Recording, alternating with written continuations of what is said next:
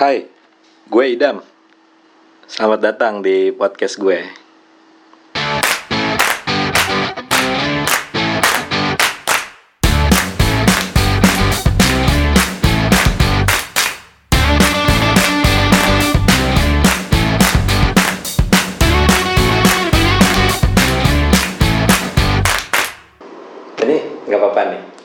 Podcast gue nih. Oh iya apa-apa. Justru ini nih. Mau banget. Thank you banget mas, Sama-sama. udah nyediain waktunya. Podcast itu penting aku juga podcast tuh. ah, Tapi mau tanya dulu sih mas, kan waktu kemarin kan aku di Instagram terus mas nge-like, terus mas ngomong, wah keren nih idenya, maksudnya keren gimana mas? keren itu kan satu namanya keren verbatim. Weh, thank you, thank nama, verbatim pernah kepikiran kalau bisa. Terus. Oh jadi nggak kepikiran kalau verbatim jadi nama Iya.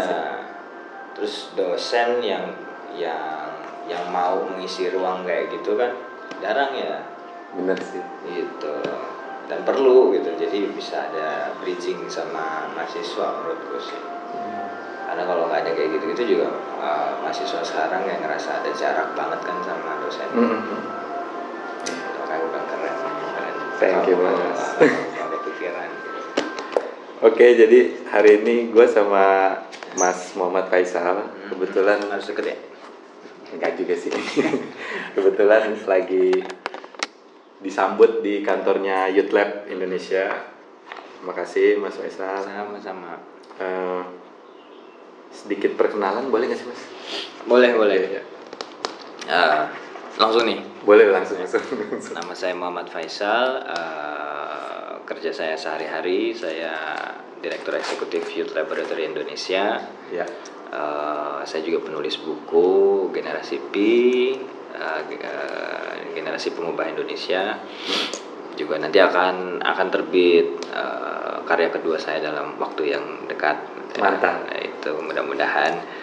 Dan sehari-hari saya juga sama dengan Bung Idam nih. Oh, Eh, iya. sebetulnya backgroundnya banyak berkecimpung di dunia pendidikan perguruan tinggi sebagai dosen. Siap. Eh, yang katanya ngomong sedus gaji sesen. gitu. Iya.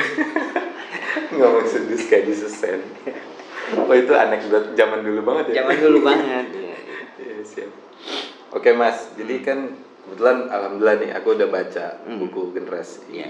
V-nya Mas Faisal. Terima kasih. Terus ini seru banget sih karena relevansinya tuh banget Hmm. dan aku ngerasa kayak ngebaca ini tuh jadi langsung nyocokin sama diriku dan Iya, iya. pengamatanku juga di Iya. lapangan gitu ya. Terus eh, di buku ini Mas Faisal ngebagi eh, eh, generasi-generasi itu jadi beberapa Hmm. dan ada nama-namanya ya. Hmm. Ada generasi alpha, beta, theta terus sampai V sampai neo alpha ya. Nah kan eh, ini kan judulnya tentang milenial nih, Hmm. generasi V. Boleh ada ini nggak mas? Maksudnya pembukaan sekilas.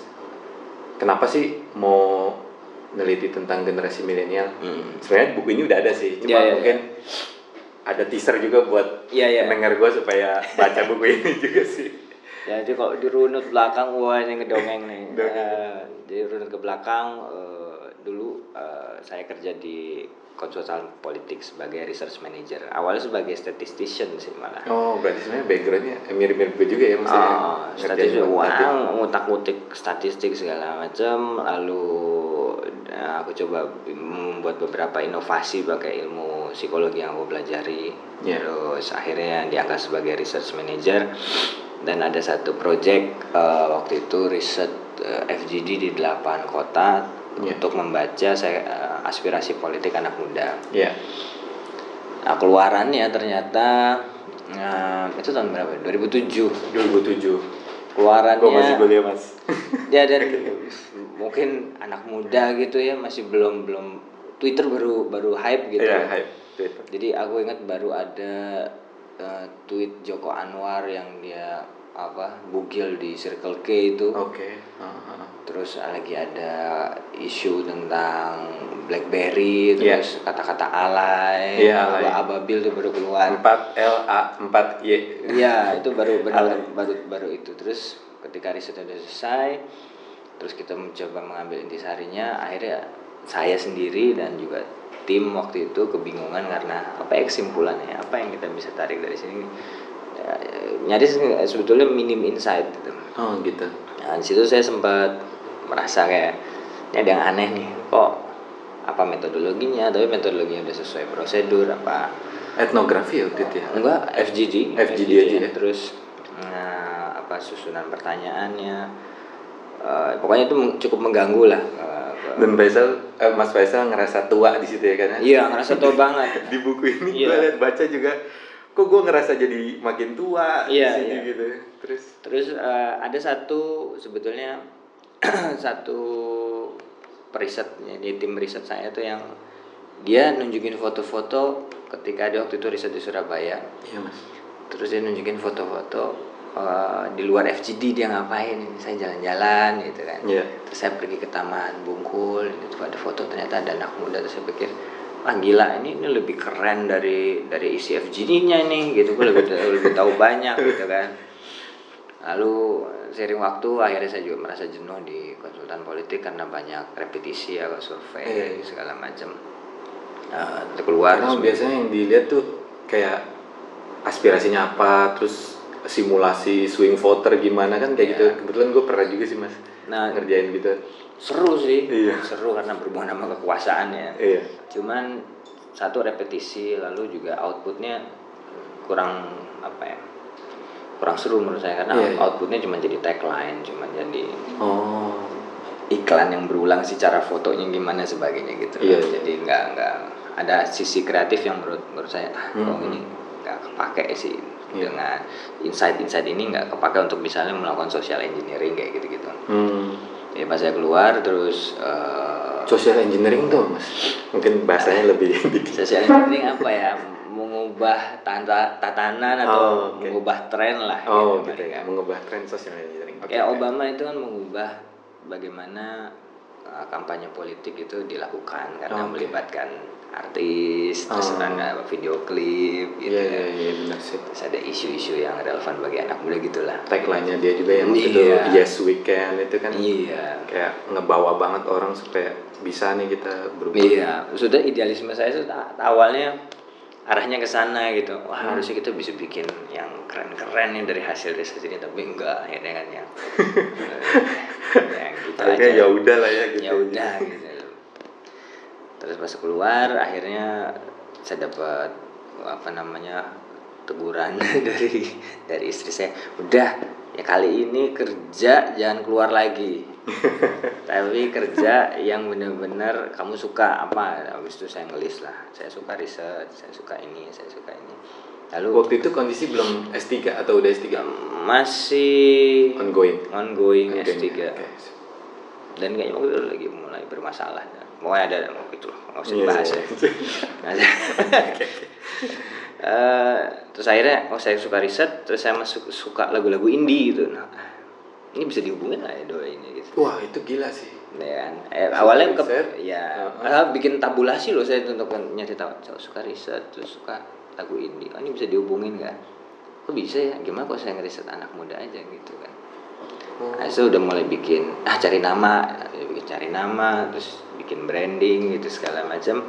Lalu mulai keliling awal-awal untuk cerita ke orang tuh. Saya bikin biro riset, habis itu bikin ya di buku ini Mas Yoi cerita sih Iya, bikin PT-nya dulu segala macam. Ah, Ya. terus eh, kita harus punya kantor, cari ruko segala macam. Eh, ya tapi pas awal keliling-keliling juga lu bikin apa biro riset riset apa riset anak muda semua orang tuh kayak Ngetawain. apaan sih gitu ya. maksudnya sih. apa itu zaman zaman ketika Hermawan Kertajaya tuh 2008 gitu Oke, 2009 Marples. Marples tuh lagi kayak semua orang baca Kayak- bukunya dia ya, terus, terus baca majalah marketing Iya. ya. wah kayaknya iya. terus semua kayak eh, wah ini digital buat Twitter gitu lah Ya. semua bahasanya kayak gitu terus lu nggak meneliti apa sih ya neliti tentang anak kok anak muda nongkrongnya kayak gimana terus apain sih gitu. Terus kayak kita cuman present aja dan itu gratisan gitu kan present ke beberapa brand terus mereka kayak, "Ini apa ya gue bisa apa pakai ini. Dan saya juga bingung juga jelasin ya bisa apa ya pakai ini? Gitu jadi kayak Iya. serba serba bingung. Akhirnya bikin beberapa preliminary lah kecilan di Jakarta di Bandung. Iya. itu pun kita eh, saya ya cuman timnya kecil waktu itu dan itu banyak anak magang juga. Iya, iya. gilanya ini orang banyak nggak tahu nih yang kita temuin tapi gimana mendeliver dan orang mau dengerin. Mhm. sampai kayaknya itu waktu itu klien pertama 2010 lah 2010 2011 saya ingat itu dulu Blitz ya Megaplex kayaknya. Oh, itu klien, Blitz ya. klien pertama kita nih. Terus 2011 itu baru Telkomsel gitu. Mhm.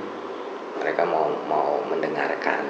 Dan akhirnya lucu ada beberapa kan saya mulai posting di slide share Iya, iya. uh, insight-insight saya tuh dan lucunya ada beberapa majalah marketing Aha. yang tiba-tiba mem- mempublish ngutip. iya tak nggak ngutip sih itu Langsung. temuan kita tapi dia nggak ngutip gitu loh Oh, gitu. iya Oh, dia langsung ngomong menurut perspektifnya dia Iya, aja gitu. iya, iya. Waduh. Itu satu hal. Terus eh, di hal lain terus kita dengar dari beberapa orang kan kita ju- udah mulai jual report tuh. Iya. dengan harga yang sangat sangat murah. Nah, harga sangat murah sama sekali nggak balik modal. Eh, terus kita dengar bahwa eh, report kita diperdagangkan orang lain dengan harga sangat mahal. Oh. Eh, kesel sih. Tapi kita ngerasa bahwa oh ternyata ya serius, ada harganya ya Oh, gitu. iya, Jadi iya. sudah mulai ada kepikiran gitu wah gila. Ya udah kita bikin lagi lah ini Hmm. bikin terus rutin bikin terus dan akhirnya di post di slide share terus sempat SlideShare, ya. sempat kerja sama sama orang Inggris namanya Graham Brown dulu dia ngeriset juga anak muda terus bikin dia macam network peneliti anak muda Iya. tapi nggak diterusin tuh sekarang dia jadi apa bikin podcast juga tentang startup dia larinya ke startup Oh, gitu. Uh, dan situ keren akhirnya wah belajar terus ada ketemu si ini ada yang dari Jepang ada yang dari Nigeria itu kita bikin apa uh, Skype meeting gitu setiap hari Rabu Dan Mas Faisal ketuanya waktu itu di situ. ya? ah Yang di- sempat bukan- yang masuk ke tahun kedua kayaknya Aha. itu aku diangkat uh, ketua yang untuk di Asia Oke. tapi akhirnya bubar karena bubar ya rebutan proyek gitu gitu gitulah Oh, gitu, Mas. Iya, padahal yang bagi kita yang backgroundnya lebih akademisi bukan bisnis, senang banget sih itu karena banyak pengetahuan tuh. Iya. Tapi ada sebagian mungkin berpikir, wah sini buat pengetahuan kok, gue pengen cari klien aja sih gitu Iya, loh. Akhirnya nggak nggak bentrok di situ, akhirnya bubar. Eh, ya udah saya ngelanjutin Youth Lab dan belum ada eh, narasi tentang milenial tuh sampai tahun Iya, berapa? belum ya. 2015 tuh belum ada. Walaupun Maksudnya kata milenial itu belum ya? belum walaupun udah ada sih teman-teman yang di luar negeri terutama di Amerika itu bahas milenial milenial gitu di di grup itu sudah mulai bahas tapi nggak ada yang bahas tentang milenial. Nah 2015 kita udah mulai kayak dapat beberapa klien-klien gede lah. Oh, Kayak Nike. Nike gitu. Telepon kita dari Google. dari Nike kita mau ini gini. Oh gitu. oke. Dan beberapa insight kita udah mulai kayak diterjemahin jadi iklan-iklan kampanye besar terus dan di situ saya udah mulai senang dong ah ya ini yang kemarin riset kita nih Yo, Gitu, iya. gitu. itu soalnya kepuasannya Iya. konsultan tuh biasanya di situ kalau insightnya Gitu dipakai, aja. Mm-mm. oh itu kayak wah gol banget sih itu. terus agensi-agensi yang multinasional ya udah udah punya kita udah punya nama lah gitu. lah ya. Iya, udah punya Ojil Vilan, Densu dan sebagainya gitu. udah udah tahu Eh, tapi pun belum ada yang bahas tentang milenial sampai eh, saya mulai ngutak-ngutik tentang generasi itu kalau nggak salah tahun 2014 akhir jadi ya, pokoknya ada satu tahun itu kita nggak ngeluarin report Mm-mm. Eh, karena kita mau nulis apa nih trennya nggak ada yang berubah gitu Oh gitu. cuman ada beberapa hal yang menurut kita aneh gitu kayak misalnya 2014 berarti lagi politik ya? Lagi tahun pemilu waktu itu ya? ya ada Oke. beberapa, ada beberapa hal yang aneh misalnya anak daerah itu mulai nggak ngelihat Jakarta itu udah mulai Oke. kita nemu hal-hal kayak aspirasi kayak gitu Iya, terus mulai ada kecenderungan untuk bangun narasi lokal itu udah mulai di situ terus kayak Mhm. oh ini agak aneh nih Terus, eh, karena ini nggak bisa direlate dengan hal-hal lain di luar negeri gitu Iya. Itu yang bedanya kita juga ya. Iya. di situ ya. dan di situ saya udah mulai kayak baca-baca tentang kultur populer. Dulu dulu kultur populer kita gimana ya? Terus cari tahu oh, sini ternyata, oh, ini pernah kejadian ini ini persis gitu. Akhirnya mulai baca bukunya Strauss itu Oke. Generation. Dan terus pas baca ini oh gini teori generasi ya sebetulnya. Baru 2017 semua orang tiba-tiba ngomongin milenial karena kan menjelang Oh. tahun pemilu ya. Iya. terus Kompas ngeluarin satu headline tentang milenial Indonesia dan kata milenialnya dibakukan dari yang L-nya dua jadi L1 artinya udah jadi bahasa Indonesia. Oh bahasa Indonesia diadopsi ya jadi milenial gitu. Oh ini se- sekarang udah semua orang mau milenial gitu kan. Tapi pas saya baca gini, wah ini ngawur ya. Jadi awalnya ke-trigger untuk nulis buku generasi P dan ini sebenarnya buku ditulis dalam waktu yang relatif cepat ya cuma tiga bulan. Gitu ya. ya, Tapi kan penelusuran ke belakangnya Iya. itu yang panjang gitu. karena satu saya ngeliat wah ini narasinya jadi liar banget nih milenial karena di tahun politik terus semua orang juga ngomongin tentang milenial Iya, iya. masalah voter segala macam saya kejar nulis terus saya coba jelasin bahwa enggak loh ini ada setelahnya kita bisa ngebagi sendiri eh, generasi kita tuh kayak gimana karena udah Iya. masuk tahun 2015 sebetulnya seiring saya waktu itu riset untuk buku juga buku generasi langgas Oh, iya, iya. Saya Kok juga- langgas tuh mas. Artinya langgas. langgas itu merdeka ya kalau Oh merdeka. generasi bebas Indonesia bebas. Nah di situ eh, makin kuat tuh narasi-narasi lokal sebetulnya. Tapi di Langgas karena dia bukunya bahasnya umum, jadi itu nggak terlalu di- digali. Nah, Nah saya udah mulai akhirnya ah udah kita ini aja saya buat teori generasi sendiri. Dan itu yang akhirnya saya tuangin di generasi P. Makanya saya cukup puas sih pas nuangin itu. Dan Oke. ternyata juga orang menyambut cukup baik ya gitu. iya siap.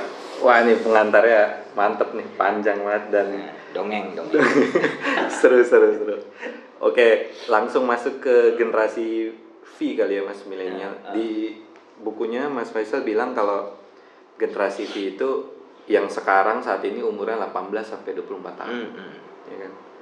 Dan eh, yang ngebedain generasi ke maksudnya antara satu generasi ke genera- generasi lain itu ada critical moment kan Mas, Hmm, Mas hmm, Faisal iya. bilang ya. Dan critical moment kita itu kalau milenial Indonesia pas reformasi. Hmm, hmm. Nah, itu boleh di ini Mas maksudnya kenapa milihnya reformasi Hmm. terus eh, sebenarnya di sini udah diceritain sih tapi eh, di ini biar ada pengetahuan baru juga Iya, jadi critical moment itu peristiwa yang ngebedain cara berpikir dan karakter satu generasi. Iya. Kalau di Amerika eh, Civil War ya. pertama. Civil War, oke. Nah, ini bukan Civil War Avenger ya. Civil War itu melahirkan generasi yang disebut GI, jadi Greatest Generation, karena mereka kayak ah kita nggak mau nih kita berapa tahun nih kita perang saudara, akhirnya mereka jadi Greatest Generation yaitu generasi yang sangat patuh dan percaya idealisme tentang Amerika as the greatest nation gitu. no gitu. Nah, gara-gara civil war itu ya? Iya, gara-gara Civil War. Jadi mereka ah, nggak ada tuh yang bandel-bandel gitu rebellious nggak ada. Hmm. di awal dia awal tahun 1900 baru setelah itu perang dunia kedua lahirlah generasi silent generation yang mereka silent mereka bingung tuh kaget itu pas ngeliat eh kita menang perang nih gitu Iya. tapi kita menang perangnya jahat banget ya masa dibom orang itu Nagasaki Hiroshima gitu iya iya dan itu akhirnya merubah persepsi mereka yang dulunya mereka sangat patuh dan percaya idealisme Amerika mereka mulai kayak ah kayaknya kita dibohongi gitu ya Ah, ada gitu. gitunya ada gitu dan itu menurun ke uh, generasi berikutnya yang akhirnya disebut sebagai baby boomers itu. Itu yang diceritain sama si itu ya William Strauss sama Iya, Milhau ya namanya how Nah di, di kita sebetulnya pembagiannya ya berdasarkan Milhau. ya tadi itu critical moment ya menurut saya critical moment pertama adalah ketika kolonial menerapkan politik balas budi itu politik etis. Hmm. Jadi semua anak-anak priai itu boleh sekolah di sekolah-sekolah eh, Belanda. Mhm. Dan di situ mereka terpapar tentang eh, apa ya bacaan-bacaan buku-buku eh, global sih pengetahuan Iya, global. Kan iya. yang awalnya mereka sangat ya dia taunya skupnya Nusantara aja. Oh, oke Akhirnya itu mereka berarti yang generasi alpha kita tuh alfa kita mereka termodernisasi mereka tahu tentang sosialisme mereka tahu kapitalisme itu apa dan sebagainya belajar ilmu engineering dan sebagainya Mhm. dan itu merubah karakter generasi kita akhirnya kita bisa menjadi republik kan gara-gara mereka terpapar Iya, terpapar pengetahuan itu. Agak lompat sedikit ke depan nah generasi P ini kan mengalami uh, critical momentnya reformasi. Iya. jadi reformasi kan transisi kekuasaan dan dari politik yang represif di Iya. mana anak muda yang dulu tidak boleh secara bebas bicara tentang ideologi dan politik ke era keterbukaan lah Iya, iya, transparansi dari dulu yang sifatnya Jakarta sentris Iya. menjadi desentralisasi Sasi, betul, gitu. Nah, generasi ini juga besar di era di mana tidak ada doktrin tunggal dari negara Oh. terhadap anak muda itu harus gimana. Iya, iya. Gitu. Nah itu yang akhirnya nanti mengubah karakter si generasi sekarang ini yang jadi usia produktif ini gitu. Hmm. Makanya cara berpikir yang berbeda, cara merespon teknologinya berbeda dan cara mereka ya, menerjemahkan konsep negara, konsep Indonesia itu juga beda. Mhm. Oke. Eh, terus eh, Mas Faisal di buku ini sih yang gue baca eh, bilang kalau siklus generasi itu bakal bisa berulang gitu Mhm. dan itu gue sih ngerasanya juga gitu Iya, gitu iya. berulang. Nah itu gimana sih mas maksudnya kok bisa berulang gitu? Se- eh, Dan lu di sini ada bawa istilah archetype kan? Iya, Nah, itu boleh di ar- archetype itu kan dari Carl Gustav Jung, Iya. ada pelajaran kuliah sih. Ini psikologi sih. Psikologi Tapi banget. ini dipakai juga sih di marketing karena marketing pakai brand archetype tuh Iya. mm, biasanya maksudnya kayak genre yang apa yang lo assign ke brand lo kan. Iya, iya. Jadi ada ada ikonik apa nih yang Iya. masuk ke situ. jadi nilai-nilai sifat-sifat terus asosiasi yang berhubungan dengan brand kalau di di brand kan begitu kalau archetype diartikannya kalau di Iya.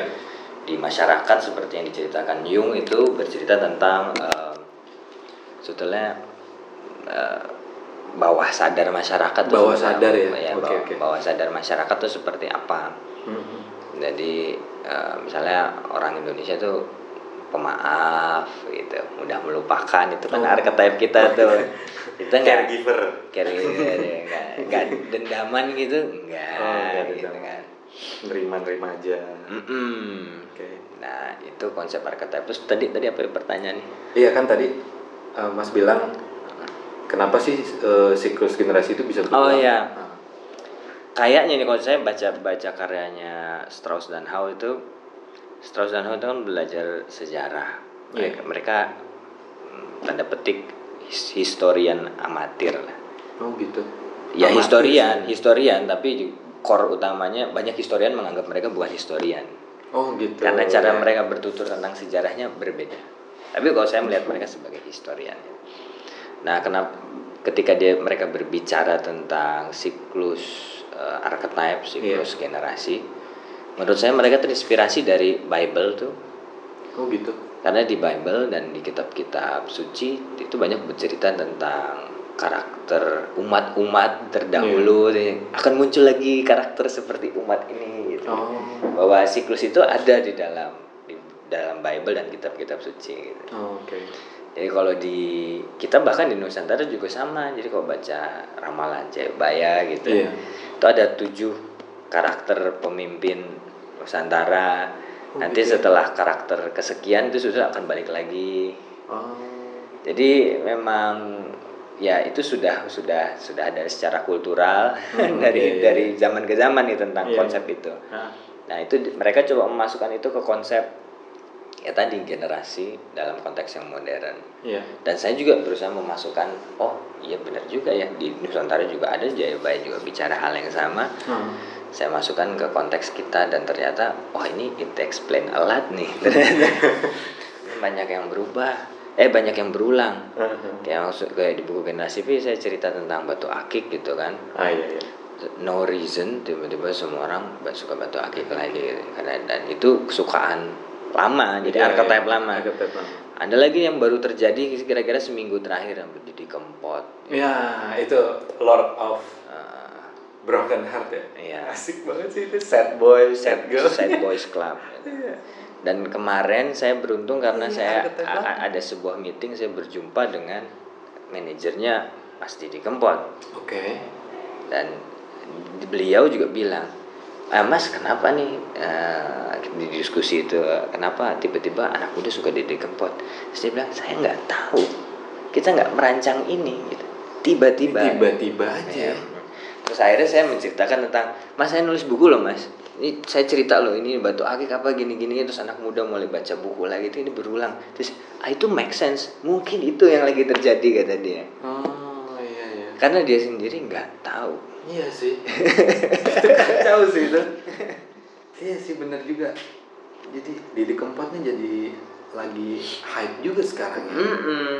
Ya, sudah bikin pasukan apa Lara Hati, Waduh. Sad Boys Club ada ya. dan merchandisingnya t-shirtnya kata dia sold out laku wow pokoknya dan itu nggak direncanain nggak sebenarnya. direncanain bukannya emang ada tim khusus yang mau Nggak, branding nggak. dia enggak ya nggak ada nggak ada dan itu sampai ke luar Jawa di mana anak-anak Gila, muda gila, gila. dengerin nggak ngerti bahasa Jawa tapi dia ngerasa oh nadanya enak gitu pas dicari tahu artinya oh ini saya banget gitu kan ya padahal dari dulu kita juga dengerin ya maksudnya Didi Kempot kayak Iya. stasiun balapan terus Iya. apalah Iya.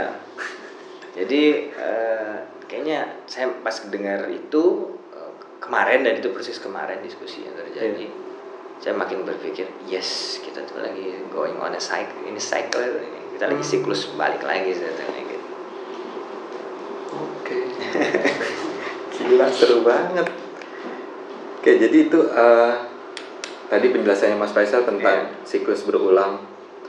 Terus eh, di buku ini juga Mas Faisal bilang karakter generasi itu adalah memori kolektif yang diwariskan dari generasi Hmm. terdahulu ya. Iya, ya. betul. Jadi sebenarnya karakter kita tuh ya dapat inspirasi-inspirasi dari dulu ya. Iya, en- entah gimana prosesnya ya. Jadi proses transfer archetype itu kan bisa satu lewat bahasa, terus bisa cara kita berhubungan sosial sehari-hari oh, banyak Iya, hal sih sebenarnya. iya. Nah, archetype kita misalnya hmm, ya udahlah gitu kan terima aja ngalah aja Iya. gitu Wallace aja itu sama aja bahasa-bahasa itu gitu. antara Wallace dengan dengan konsep ah ngalah aja ya udahlah ikhlasin aja Ikhlasin aja. itu nggak ada di konsep di negara lain nggak ada di mungkin di di bangsa lain konsep-konsep kayak gitu. Itu konsep spiritual gitu. Mhm. kalau mungkin di itu di Jepang itu mungkin itu Shinto kali ya. Oh, kalau di Timur Tengah itu mungkin tasawuf. Tapi kalau di kita itu kan harian kita seperti itu. Ya, nerima aja ya. iya kok misalnya Nerimo gitu. aku naik apa namanya gojek gitu ya gimana pak gitu ya gini aja mas itu itu kan gila itu spiritual banget dia nggak ngeluh nggak apa ya udahlah Iya, iya. Asik. nah itu archetype dan Ah. itu kayaknya turun menurun Iya, iya. Terus aku juga yang jadi aha poinku tuh pas baca buku Mas Faisal, kenapa critical moment itu balik lagi? hmm. Itu eh, bagi anak-anak yang di era itu umurnya 10 tahun ke bawah, Hmm. itu eh, yang yang jadi generasi milenial Iya. itu di situ karena kurang dari 10 tahun itu belum ada krisis identitas Belum, kalau iya. menurut Iya. psikologi kan. ya jadi cara berpikirnya belum terkristalisasi Ya, masih masih fluid dan mereka belum ter- terpapar doktrin-doktrin gitu yang akhirnya membentuk cara Hmm. berpikir Oke. Oke, eh, tarik mundur ke belakang Mas kan Hmm. kebetulan angkatan gue kan mungkin kurang lebih hmm. mendekati Mas Faisal kan. Iya. Mungkin teman-teman gue juga lagi pada denger nih. ah. Terus eh, fenomena 90s tuh, itu kan Hmm. udah sering banget dan berulang gitu. Iya, Ada eventnya kan Iya, 90s iya. dan itu banyak banget masanya nostalgia segala macam. Mereka adalah generasi Teta yang Hmm. tumbuh kembang di.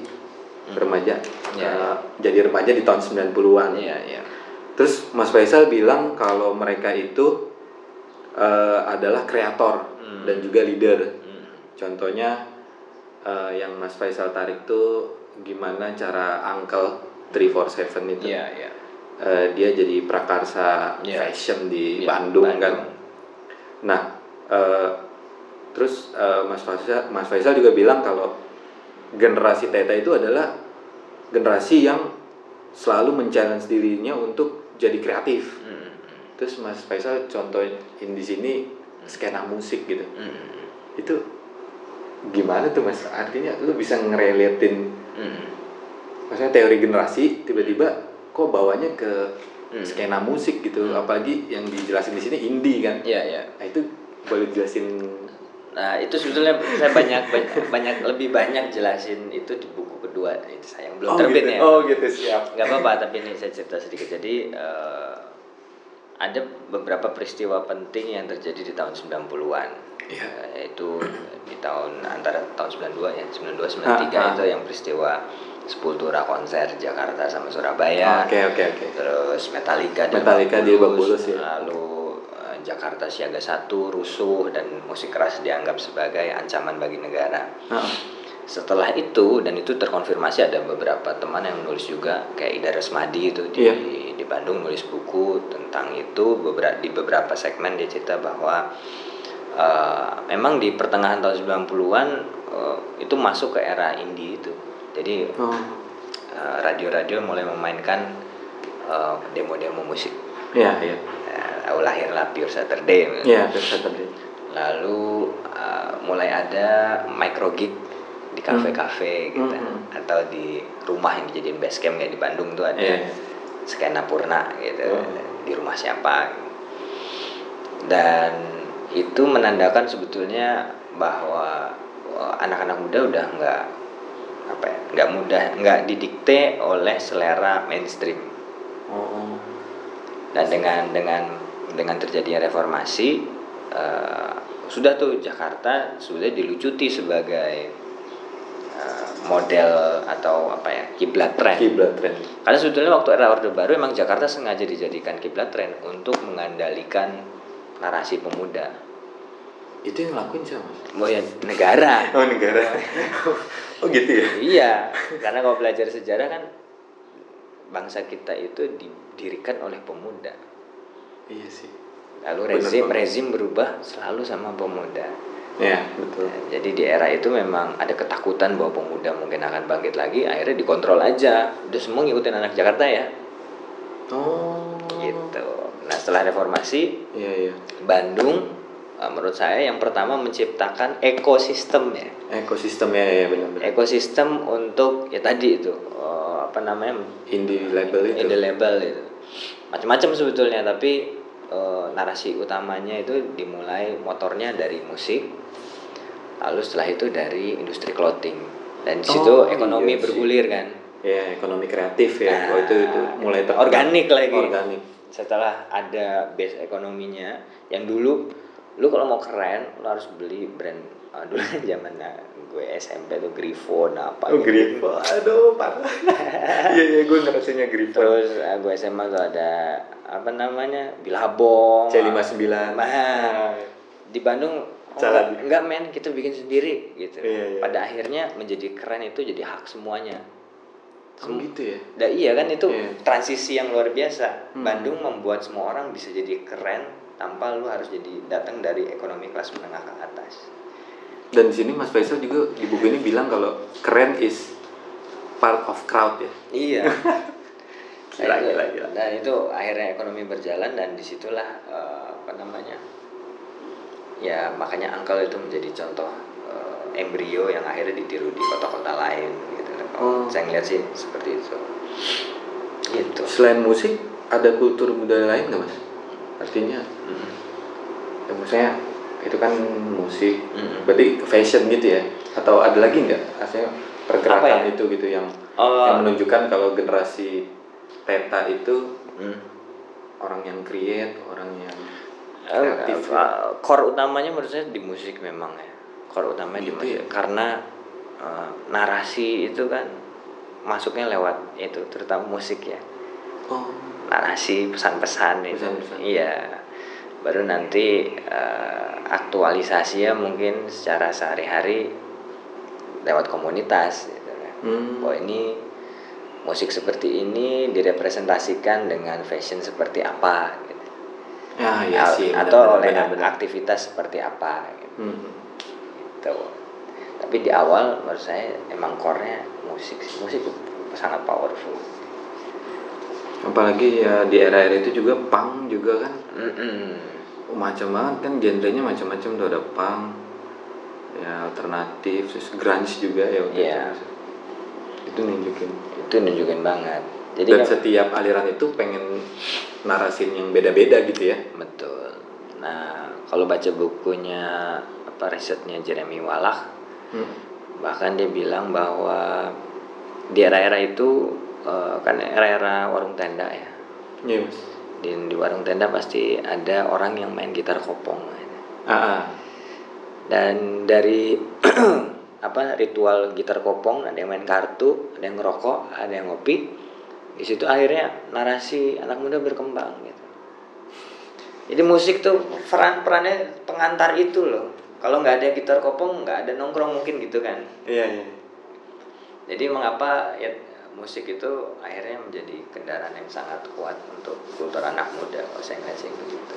Nah kenapa anak-anak muda sekarang pengen balik ke era tahun 90-an pada kangen tuh menurut saya sama eh, narasi.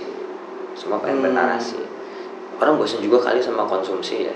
Sekedar konsumsi aja gitu. Iya iya iya. Mereka kan pengen produce juga ya. Ya itu itu juga yang ngebuktiin teori lu kalau gen kan habis gen generasi theta generasi V. Di buku ini dijelasin kalau generasi V itu adalah kurator. Iya. Dia itu Milah-milah orang yang milah-milah gitu ya. Iya. dikemas jadi informasi. Makanya Iya.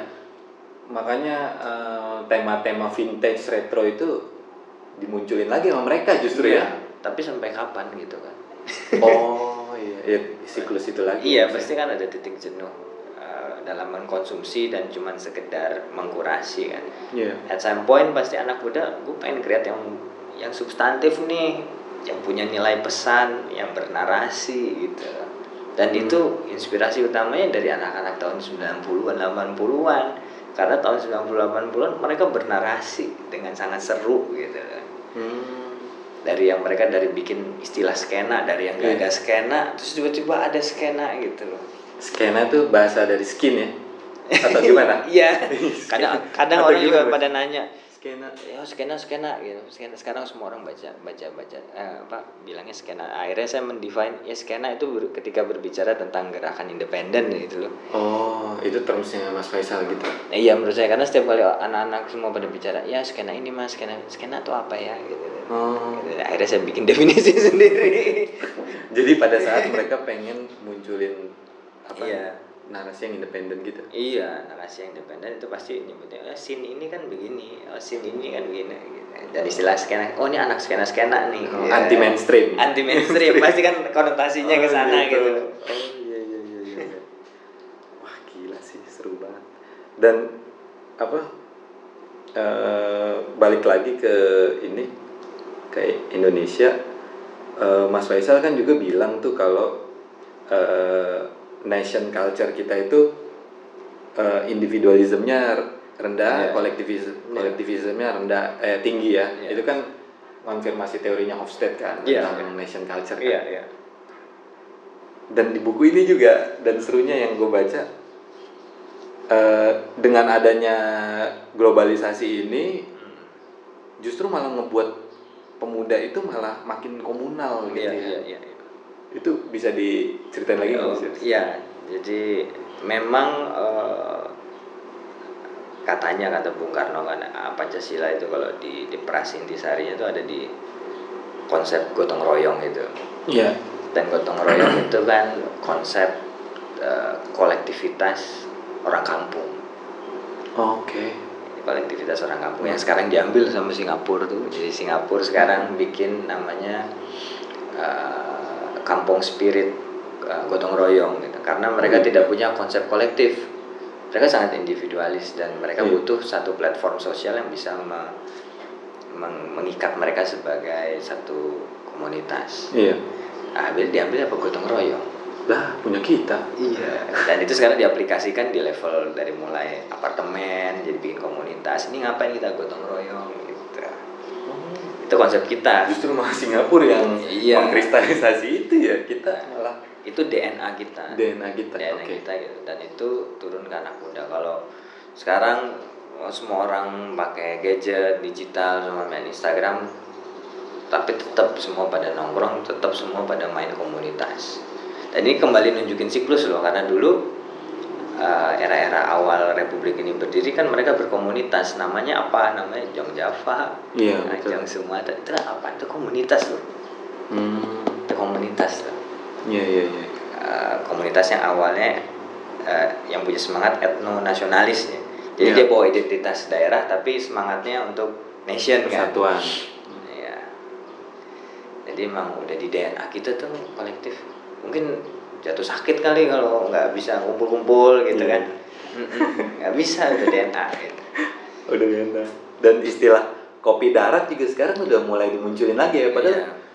itu kan istilah era-era anak 90-an kopdar gitu ya. Kopdar ini 80 80-an ya, Mas, ya? Kopdar tuh ini loh. Dulu Kopi ma- darat. main itu eh, Roger kan? Iya, Ah, radio. Oke, iya betul. Oh, eh, kopdar, kopdar itu kan istilah dari situ. Terus ada. Jadi ini sebenarnya efek penetrasi media sosial Hmm. yang harusnya nunjukin ini individualis, Hmm. uh, harusnya nunjukin privasi, Hmm. justru malah kebalikan di Indonesia malah makin kolektif gitu ya. Makin kolektif. Mungkin ada sedikit kalau dibikin grafik itu kita makin konsumeris, iya. Tapi konsumeris kita membuat kita semakin individualis, kayaknya enggak menurut saya. Maksudnya gimana tuh mas? Ya kalau di di negara maju yang eh, apa sistemnya kapitalistik terus terus sangat pro pasar itu Iya, iya. ya udah kan semua mikir diri sendiri kompetisi antara satu orang dengan orang lain Iya iya. terus nggak ada waktu mikirin komunitas apa sih komunitas gitu kan Iya iya. dan pada akhirnya eh, semua mengejar target-target ekonomi saya harus punya penghasilan sekian saya harus punya ini saya harus punya itu gitu Hmm. Ada kecenderungan mungkin menurut saya setelah apalagi adanya market share gitu loh ya. ada Iya. Tokped, Bukalapak itu ada kecenderungan itu terus orang pada mulai dagang di Instagram tapi lagi-lagi akhirnya oke kita dagang di Instagram tapi kita bikin komunitas yuk gitu Oh iya. terus bikin oh podcast wah ini podcast harusnya kan bersaing enggak ini bikin perkumpulan podcast Iya, iya. kita sharing yuk gitu Iya, iya. itu kan lucu gitu dan itu kita banget gitu Justru malah podcaster tuh malah pokoknya bagi-bagiin aja gitu ilmunya gitu. Pokoknya ayo kita bareng-bareng Iya. nge-podcast gitu. Bukannya eh lu ngapain lu pesaing gua gini-gini enggak ya. Ya. Dan itu tergambar salah satunya ya itu di Bandung sejak awal tahun 2001 ya Angkel pertama kali buka toko di Trunojoyo Iya. satu distro dengan distro lain kan nempel gitu Iya, jajar semua tuh. jejer nggak ada tuh kelihatan kompetisi kok kompetisi kan harusnya yang satu diskon 20% yang satunya sebelahnya diskon 21% gitu, Iya, iya. gitu kan enggak gitu dan Oh. mereka temenan nongkrong bareng gitu kan saling support itu aneh itu anomali loh dalam dunia ekonomi karena pada akhirnya eh, ekonomi di kita tuh yang penting komunitas kan seneng ya gitu Dan itu spiritnya Angkel kan. Iya. Jadi dia pengen sebenarnya pengen ngedukung komunitas. Komunitas aja. Yang, yang apa sih yang nge-skate ya ada atau apa gitu Iya. dia ini aparelnya ya. jadi eh, apa ya ekonomi of happiness gitu lah Oh. gitu. dan itu konsep gotong royong itu dari archetype kita DNA kita Oke, seru juga nih. Mantap, mantap. Oke, Mas. Kita lanjut ke ini. Eh, tadi sempat dibahas juga tentang nongkrong ya. Nongkrong kan ada filosofinya tuh. ya ya, ya. Terus Mas Faisal juga cerita kalau termsnya nongkrong ada eh, termsnya nongkrong adalah doing eh sitting and doing nothing gitu ya, ya. ya. Apakah itu sekarang gitu mas? Artinya nongkrong itu eh, ya udah cuman duduk bengong-bengong atau udah ada lebih isi sekarang Iya, iya, lebih maksudnya lebih Eh, lebih beda. awalnya saya menggali konsep nongkrong itu ketika ada saya lupa tahun berapa ada peneliti senior dari Flamengo di Jep- Jepang Iya. itu datang ke Indonesia minta tahu tentang kultur anak muda Indonesia dia ngobrol sama saya Dia nanya Mas Faisal. ya? terus dia bilang "Eh, I read a few books about Indonesia terus dia tanya Hmm. ini apa ini apa terus but I couldn't found about what is nongkrong katanya. Iya. oh nongkrong oke terus dia terus I took some picture of people doing nongkrong kan. Terus dia nunjukin ada orang tidur di halte bus. Is Oke. this nongkrong? Dia terus apa ya gitu? Oh man ternyata orang luar negeri nggak Merhatiin. nggak merhatiin tapi nggak ngerti, ngerti. nongkrong itu apa. Terus do you have some more picture? Gitu terus nunjukin ada orang lagi jongkok ngerokok sendirian di pinggir jalan. Is this nongkrong? Gitu. Bukan no. That's, that's not nongkrong gitu Ada saya mencoba menjelaskan ke dia nongkrong selama satu jam ternyata susah gitu ya. Gila, terus bahwa nongkrong. nongkrong itu adalah ya ketemuan aja you don't have uh, to have a purpose gitu Iya. dan maybe something will come up after we we gather to, itu with friends gitu. Iya. jadi itu nongkrong jadi kayak misalnya kalau di Jogja itu ada teman-teman kan punya tradisi jam berapa aja lu mau main ke rumah gue pintu gue terbuka. Terbuka. dan itu akhirnya dibikin ada teman juga yang bikin riset gitu Dan kulturnya di Jawa juga gitu gak sih mas? Artinya gue banyak punya temen gitu rumahnya itu nggak dikunci pokoknya Iya. 24 jam nggak dikunci Iya. itu wih gila sih itu dan itu kan nongkrong- mungkin kalau orang berpikir pragmatis kan gue butuh istirahat gue Iya, ada butuh, kerjaan ah, gitu. ah. enggak tapi uh, artinya nongkrong itu relate dengan satu happiness terus relate dengan produktivitas. Jadi kok di, pasti akan kita dapat sesuatu kok dari nongkrong gitu itu kalau orang yang paham filosofi filosofinya. walaupun sebetulnya nggak ada agendanya apa nih gitu. Iya, iya. nggak ada nggak ada agenda. Ya nongkrong aja gitu kan. Tapi pasti ada sesuatu yang come up after nongkrong tapi gitu. waktu pas lu telusurin itu biasanya nongkrong itu ada durasinya nggak sih mas? Enggak, enggak ada, enggak ada. justru malah freestyle aja gitu. Iya. Kayak dulu eh, ada riset lah tahun berapa itu di awal-awal eh, saya riset di Garut. Jadi lucu tuh. Jadi memang harus pokoknya kita harus harus nongkrong Mas gitu. Anak-anak Vespa gitu. Ngapain? Enggak ada pokoknya harus nongkrong. Kalau ada yang enggak ikutan nongkrong kita cari gitu. Kamu ke mana? Nongkrong aja. Terus ngapain? Ada. nongkrong aja itu sih. Ya oke terus ini orang orang luar negeri denger ini pasti "Ih, stupid ini ini nggak ngapain sih orang Indonesia gitu tapi Hmm.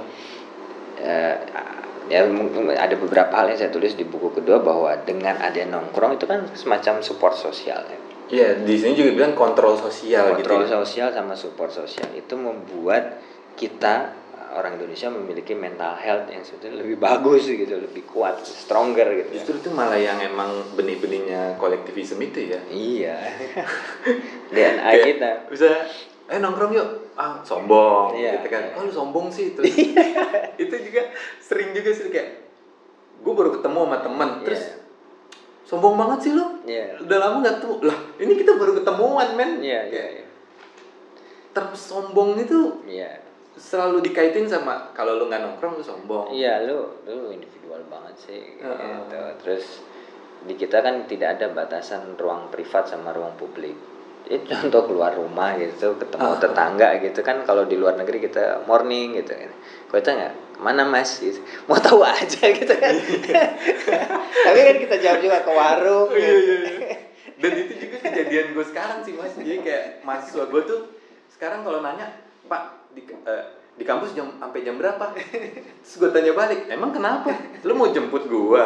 Jadi kayak nggak ada sebenarnya kita nggak punya ruang pri- privat semua ruang publik nah itu terlihat ya misalnya kalau orang bikin selamatan lah apa gitu kan tiba-tiba di hijack tuh tengah jalan gitu jadi ya saking kolektifnya kita kita nggak punya ruang privat jadi kita semua adalah ruang publik gitu ya.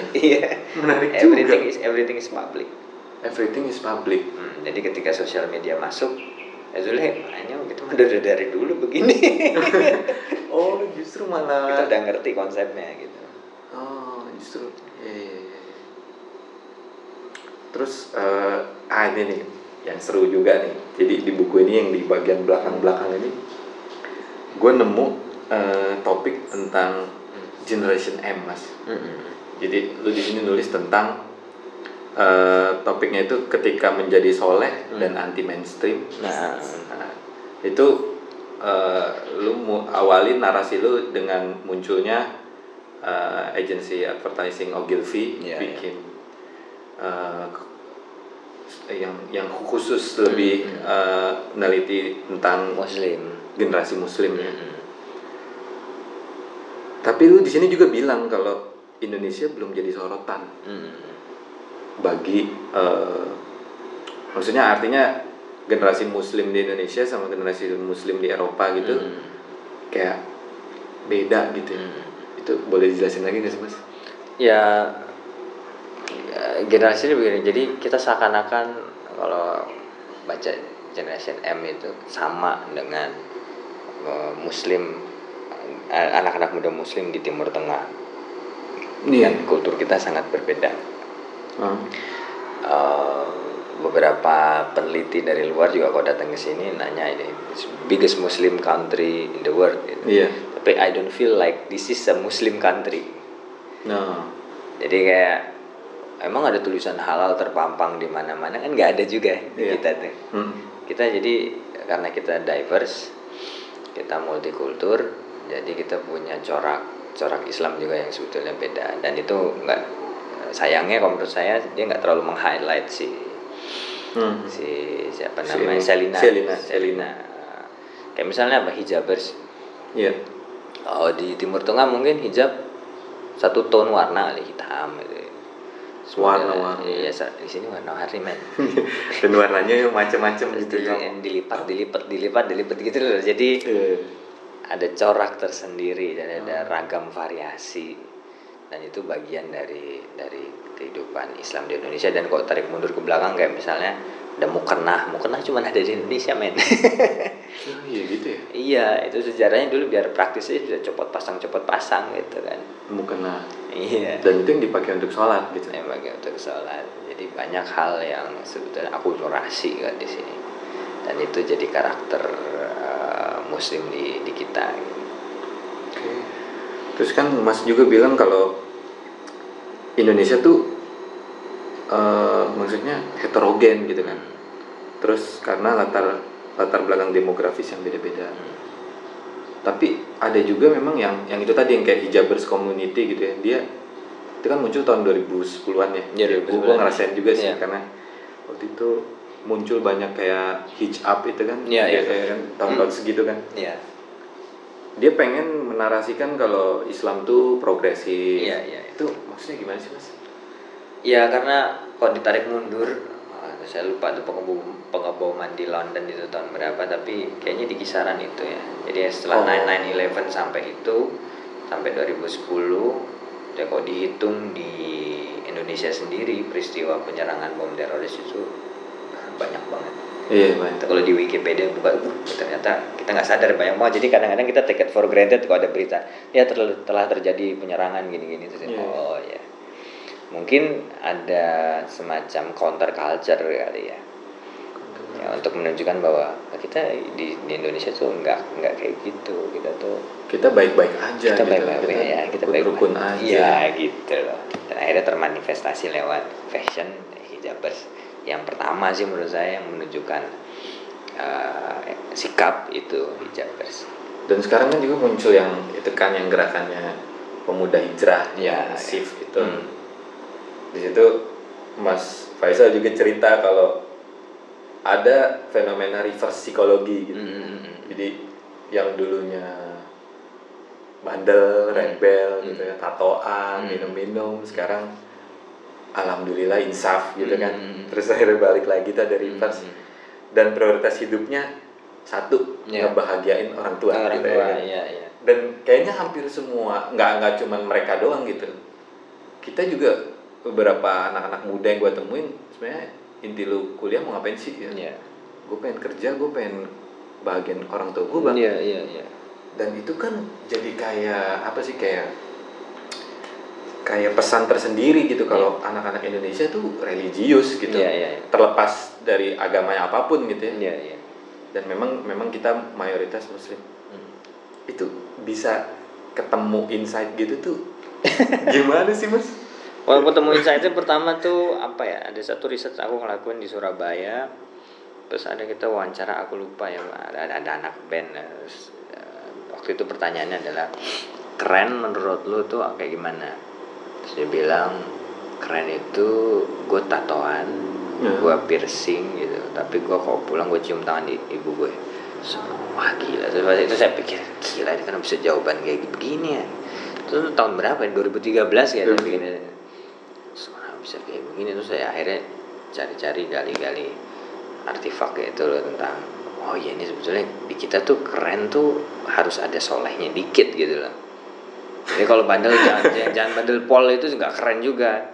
Dan itu termanifestasi dalam banyak kultur populer yang akhirnya saya temuin oh ya dulu kita tuh ada film darah muda Rom- Roma Irama tuh. Di, dia bandel tapi soleh.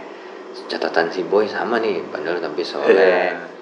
Lupus bandel tapi soleh wah oh, ternyata ada ya kayak gitu nah kaitan dengan pemuda hijrah mungkin dulu begini kenapa sih anak muda di tahun 90-an rebellious ya, itu tadi ada indie ada underground itu segala macam punk itu juga tumbuh kembangnya dari tahun 90-an karena ada kontrol negara kan yang mengekang gitu. Iya. Jadi anak muda selalu nggak suka dengan adanya represi gitu. ya. Iya. Nah, di di sekarang mungkin kebalikannya kali ya.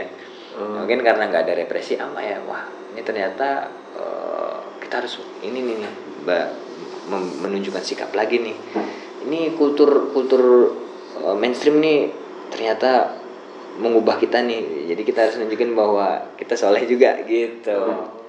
Tapi mungkin nanti akan reverse lagi ketika semuanya jadi hijrah kan jadi ngerasanya Tapi kan itu baik kan mas. Artinya, ya, maksudnya ya itu kan jadi, jadi lebih baik kan. ya ya jadi lebih baik ya Iya. moga-moga tapi ini loh eh, saya cuman berharap agar gerakan eh, apa ya hijrah atau apa pun namanya itu tidak ada ap- vehicle yang menumpang itu vehicle vehicle politik terutama Oh. terutama kayak kemarin ketika pilpres wah ini saya kurang kurang serak atau kurang suka tuh karena akhirnya ada tumpang tindih campur baur antara kultur anak muda yang berkembang dengan Oh. dengan politik. Nah menurut saya, menurut saya itu nggak keren. Hmm. Dan pun dalam beberapa wawancara ketika saya ditanya tentang perkembangan pemuda hijrah atau ya gerakan anak muda semakin religius, saya bilang, "Wah, ini keren banget. Selama ini nggak dikaitin sama Politik. iya, karena ini uh, Iya, iya. organik gitu loh kan, karena Natural gitu Ya. aja yang terjadi. ini keren.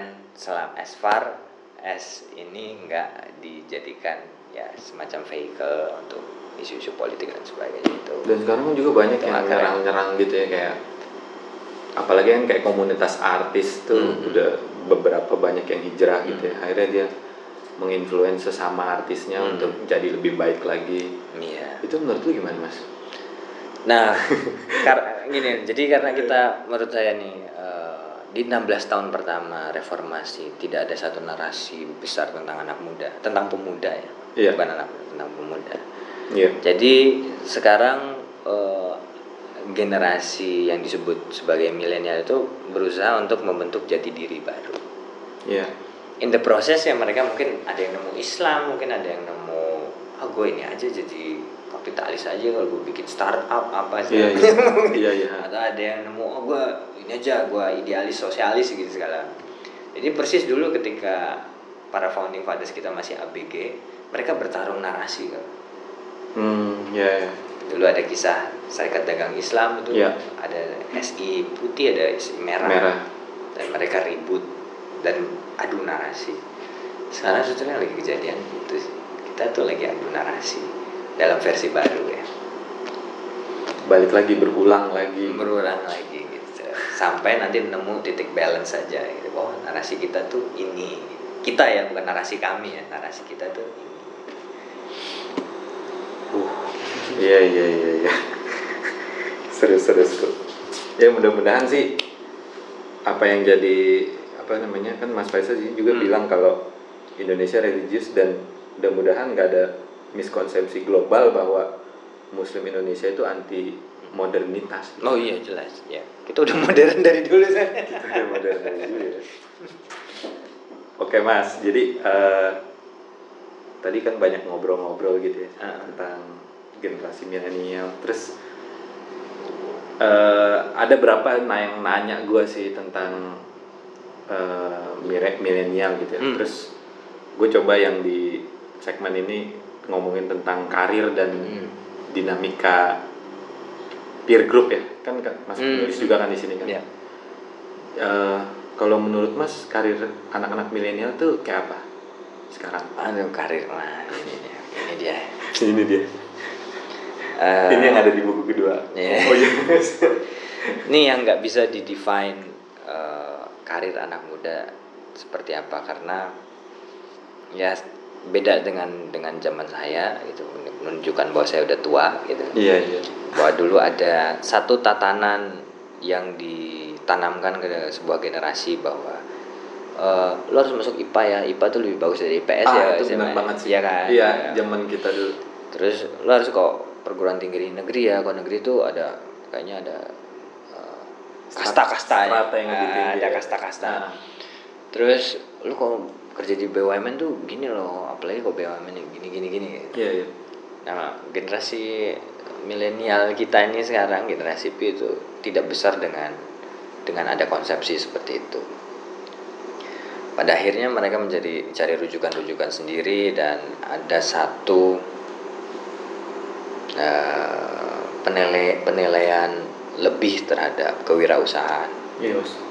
tapi sayangnya ini ada ada over apa ya overrating terhadap istilah passion itu Hmm. ayo kejar lu kejar passion lu kejar passion lu gitu sehingga akhirnya anak muda memilih untuk ngejar passion tapi mereka tidak uh, patience ya tidak sabar gitu Oh iya, ngejar passion tapi nggak passion.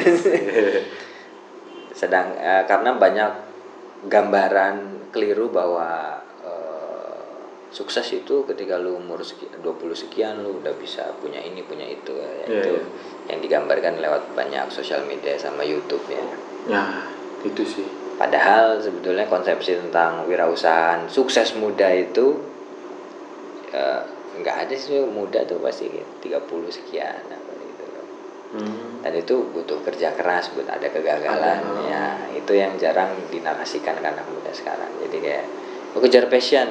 Terus "Eng- enggak nih gue nggak nggak sukses itu ganti lagi ganti lagi gitu. dan itu jadi masalah besar terutama sekarang uh, banyak anak muda yang itu udah di, dibina nih udah masuk kerja di satu instansi terus kasih pelatihan eh, keluar Ya, Nah, dan itu banyak keluhan dari uh, manajer HRD ke saya gitu dan itu terjadi secara kolektif jadi merugikan sebetulnya merugikan negara ya Hmm.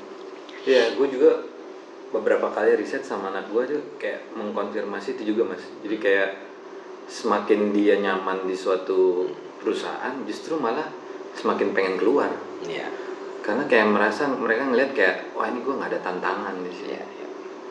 Itu gila juga sih. Jadi artinya ya ya itu ya di situ ya Iya. seninya mereka di situ Iya. gitu.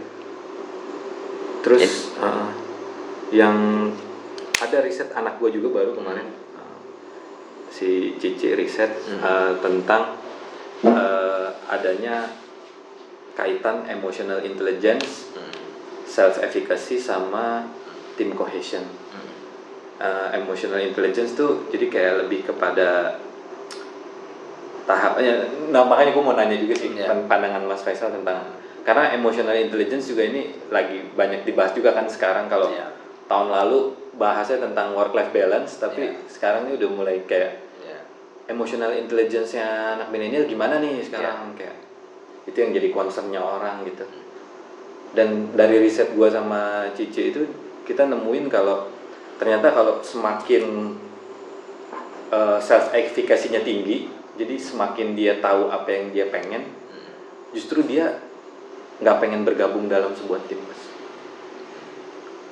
menurut tuh gimana itu antitesis tuh semakin apa semakin dia tahu Ah. eh, apa yang dia pengenin, apa yang dia eh, lakuin gitu ya, self efficacy-nya tinggi, Hmm, semakin dia nggak mau bergabung dalam sebuah tim.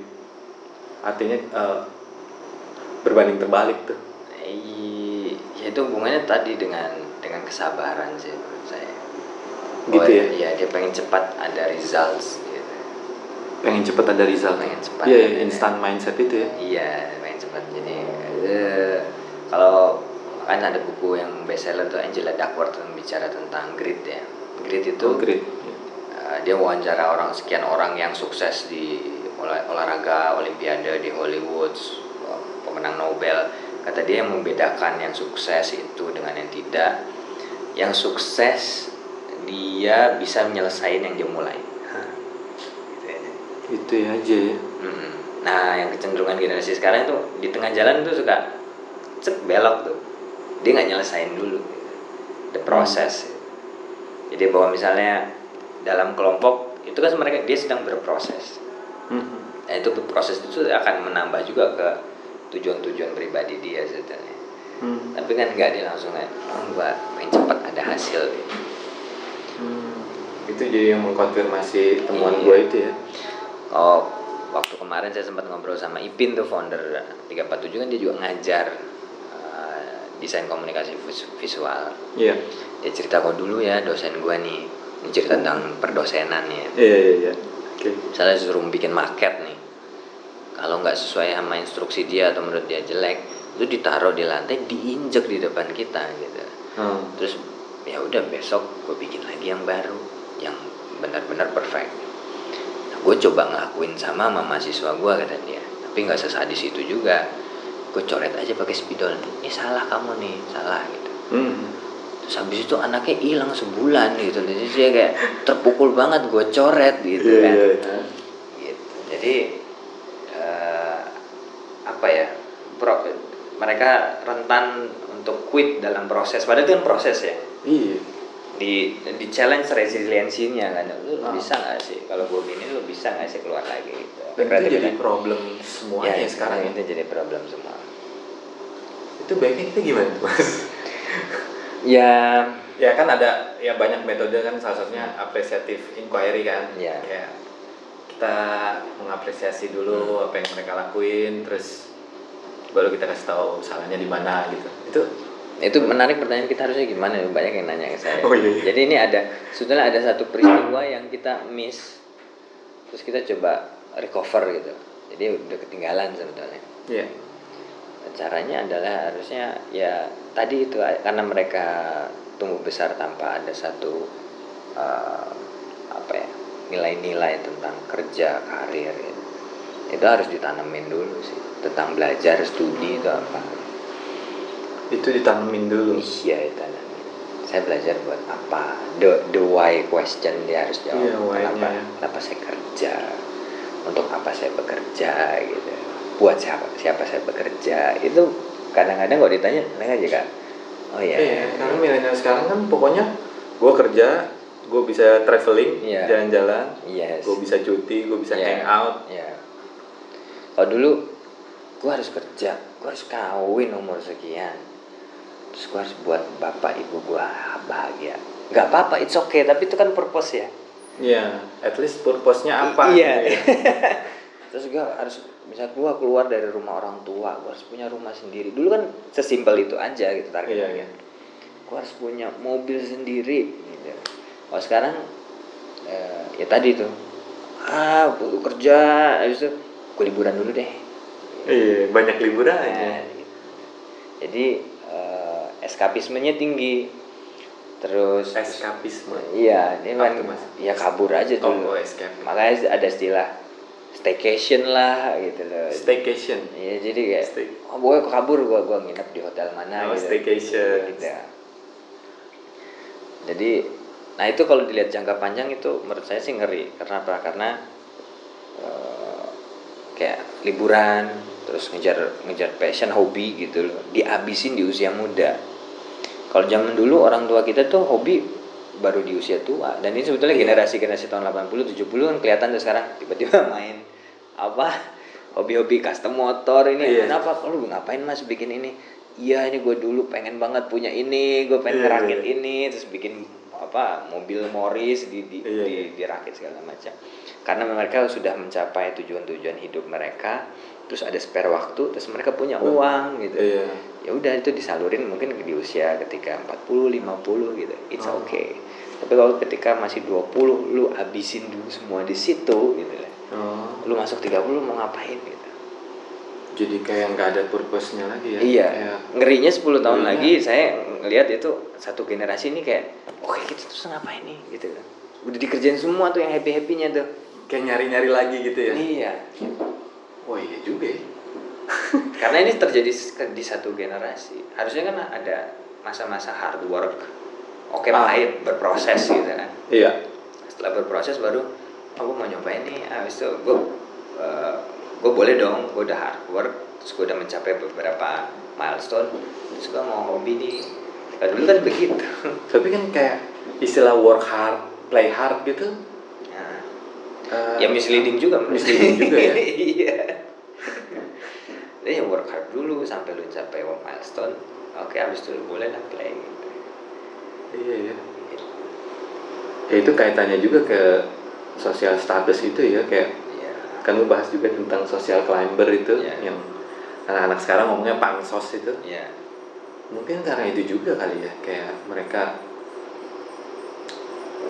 ada patron di situ nah itu juga ada pertanyaan tuh mas kayak ada anak-anak gua eh ini masih ini Nggak masih- siap lanjut ya Iya. kayak banyak konten-konten kreator yang sekarang itu Iya. eh, promosi konten yang cenderung negatif gitu untuk tujuan populitas gitu. Hmm.